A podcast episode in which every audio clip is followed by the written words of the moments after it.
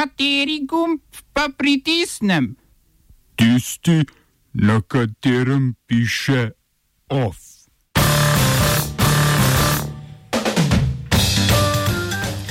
Kir Starmer, novi voditelj britanske laboristične stranke.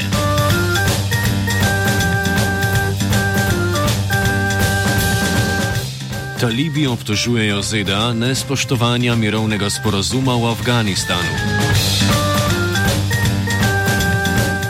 Spremembam referendumske zakonodaje se obeta podpora v državnem zboru. V kulturnih novicah peer-to-peer branje novega mega proti korona zakona glede samozaposlenih v kulturi na Facebooku in nova Grumova nagrajenka.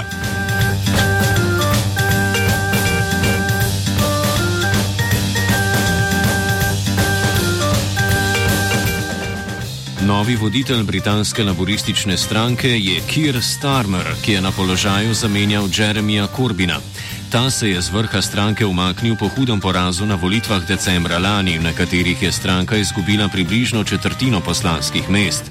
Starmer, zagovornik ponovljenega glasovanja o Brexitu, je zmagal že v prvem krogu glasovanja, ko je prejel več kot 56 odstotkov glasov, približno pol milijona strankinih članov. Na mesto podpredsednice stranke je bila izvoljena Angela Rayner. Kandidati levega, to je Korbinovskega krila stranke, so bili v volitvah na vodstvene položaje tako večinoma poraženi. Starmer je že imenoval tudi svojo vlado v senci, v katero je imenoval večinoma poslance, ki so bili izvoljeni nedavno in so javnosti neznani.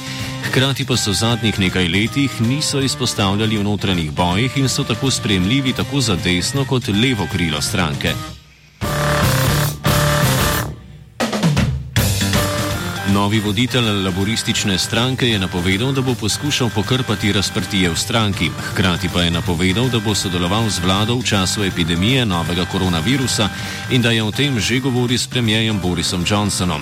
Sestanek z novim voditeljem opozicije bo sicer moral počakati, saj je Johnson zaradi bolezni COVID-19 od včeraj v bolnišnici. Johnson bo sicer še naprej vodil britansko vlado, če pa bi se njegovo stanje poslabšalo, bo to vlogo začasno prevzel zunani minister Dominik Rab.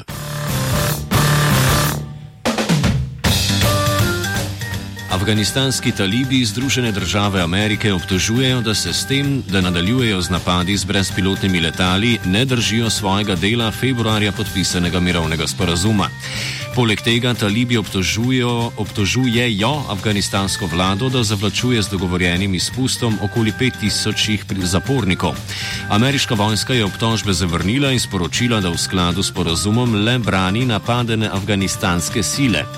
Talibi so napovedali, oziroma so povedali, da so svoje delovanje omejili na podeželska območja in ne napadajo sil NATO. Odlaganje dogovorjenega izpusta talibskih zapornikov je sicer povezano tudi s politično krizo v državi. Afganistanski predsednik Ashraf Ghani je včeraj pristal, da bo za pet dni odložil imenovanje članov svojega vladnega kabineta, medtem pa potekajo pogajanja z njegovim političnim rivalom Abdullah Abdullah, ki ne priznava poraza na septembrskih predsedniških volitvah in se je sam razglasil za predsednika.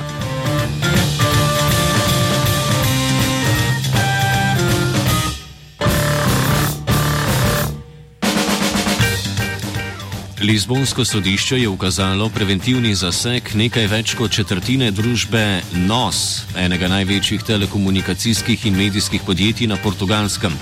Zasežene delnice, vredne skoraj pol milijarde evrov, pripadajo Isabel dos Santos, hčeri nekdanjega dolgoletnega predsednika Angole, Joseja Eduarda dos Santosa. Izabel dos Santos je s tem izgubila nadzor nad nosom, v katerem je imela prej več kot polovični lastniški delež, kar je predstavljalo le del njenega premoženja, zaradi katerega je veljala za najbogatejšo žensko v Afriki. V začetku leta so v mediji pricurljali dokumenti, ki naj bi dokazovali, da je družina dos Santos v času skoraj 40 letja dolgega predsedovanja. Joseja Eduarda dos Santosa v tej z nafto bogati državi pridobila premoženje vredno več kot 2 milijardi evrov. Potem, ko je dos Santosa pred tremi leti zamenjal Joao Laurenko, so oblasti odprle številne preiskave proti članom družine in zamrznile lastništvo v nekaj največjih angolskih podjetij. Vladajoča polska stranka Zakon in pravičnost je v parlament poslala predlog zakona, po katerem bodo prihajajoče predsedniške volitve potekale po pošti. Vprašanje izvedbe predsedniških volitev, ki so predvidene za 10. maj, je razdelilo polsko politiko, pa tudi vladajočo koalicijo, v kateri je poleg vladajoče stranke še pet manjših strank. Največja med njimi, desno-liberalna stranka Sporazum, tako kot opozicijske stranke, nasprotuje izvedbi volitev in podpira podaljšanje predsedniškega mandata za dve leti. Opozicija trdi, da je sprememba načina volitev nezakonita, saj morajo biti spremembe volilne zakonodaje sprejete najmanj pol leta pred volitvami. Aktualni predsednik Andrzej Duda, ki sicer prihaja iz vrst vladajoče stranke, podpira izvedbo volitev v rednem roku. Raziskave javnega mnenja pa mu napovedujejo zmago že v prvem krogu volitev.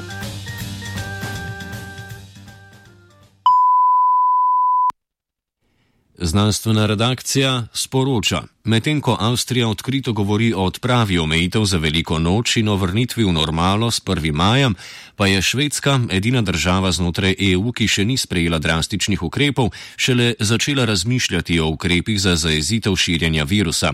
Švedska je konec prejšnjega tedna poso posodobila statistiko merjenja smrtnosti novega koronavirusa, ki kaže temnejšo sliko stanja. V začetku tedna naj bi bilo tako 282 smrtnih primerov, po novi metodi štetja pa so včeraj poročali že o 401. smrtnem primeru. Do sedaj so bili ukrepi omejeni na omejitev zbiranja do 50 oseb ter na priporočila glede izolacije ranljivejših skupin prebivalstva in opravljanja pedagoških obveznosti srednjih šol, gimnazij in univerz nadaljavo. Od sobote dalje pa vlada odkrito govori o nuji po vzpostavitvi izrednih razmer po vzoru številnih ostalih evropskih držav. Zaradi porasta okužb bo izredne razmere na območju Tokija in Osake uvedla tudi japonska vlada. Na japonskem so se sicer danes po dobrem mesecu dni ponovno odprle šole in univerze, ampak samo na območjih, kjer ni bilo zaznanih infekcij ali pa so bile te sicer potrjene, vendar v zadnjem mesecu ni prišlo do njihovega širjenja. Besede avstrijskega kanclerja Sebastiana Kurca o vrnitvi v normalo v prazniku, ob prazniku dela trenutno bolj zvenijo kot tisti znameniti izrek ob izbruhu Prve svetovne vojne. Tega bo konec še pred Božičem. Oba, če, če bom odgovoril na angliški. Uh, uh, Slovenija will try to help. Uh, we can. Slovenija will. Uh, and we will do our utmost to say that the situation is our problem ourselves. And uh, we will uh, make further steps as soon as the conditions are. Bomo vlado Marjana Cererja, Marjana Cererja Šarca podprli. Very, very serious. News from Slovenia. We know how and we will. Spremembam zakona o referendumu in ljudski inicijativi, ki ureja postopek ravnanja državnega zbora v primerih, ko bi bil referendum morda nedopusten, se obeta podpora parlamentu. Ustava določa, da referenduma ni mogoče razpisati o zakonih o nujnih ukrepih za zagotovitev obrambe države, varnosti ali odprave posledic naravnih nesreč. Po veljavni proceduri pošlje predsednik državnega zbora zakon v podpis predsedniku republike 8 dni po sprejemu, razen če je bila v tem času vložena zahteva po razpisu referenduma ali če je državni svet izglasoval veto. Novela zakona sedaj predvideva, da bodo zakoni o nujnih ukrepih razglašeni in uveljavljeni takoj, ko ne bo več morebitnih zadržkov državnega sveta. S tem se bo za 8 dni skrajšal tudi čas uveljavitve zakonov, ki jih sedaj zaradi širjenja virusa SARS-CoV-2 sprejema državni zbor. Spremembam zakonodaje najbolj nasprotujejo v levici. Novela zakona ima podporo koalicije, v LMŠ se bodo o podpori odločili na podlagi razprave in sprejetih dopolnil. L v SD pa večjih pomislekov nimajo. Zakon sicer potrebuje dvotretinsko večino.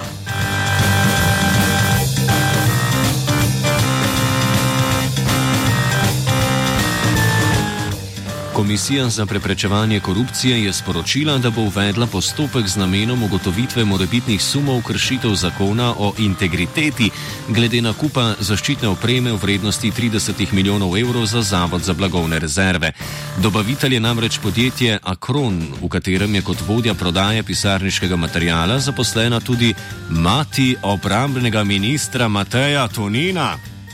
Država je v zadnjem času zaradi epidemije sklenila za 129 milijonov evrov nakupov medicinskih pripomočkov, ki jih je razdelila med 31 podjetij. Največ poslov pa si je pridobilo prav podjetje Akron. Tonin očitke o nepotizmu zavrača in KPK tudi sam poziva naj preveri zakonitost poslov.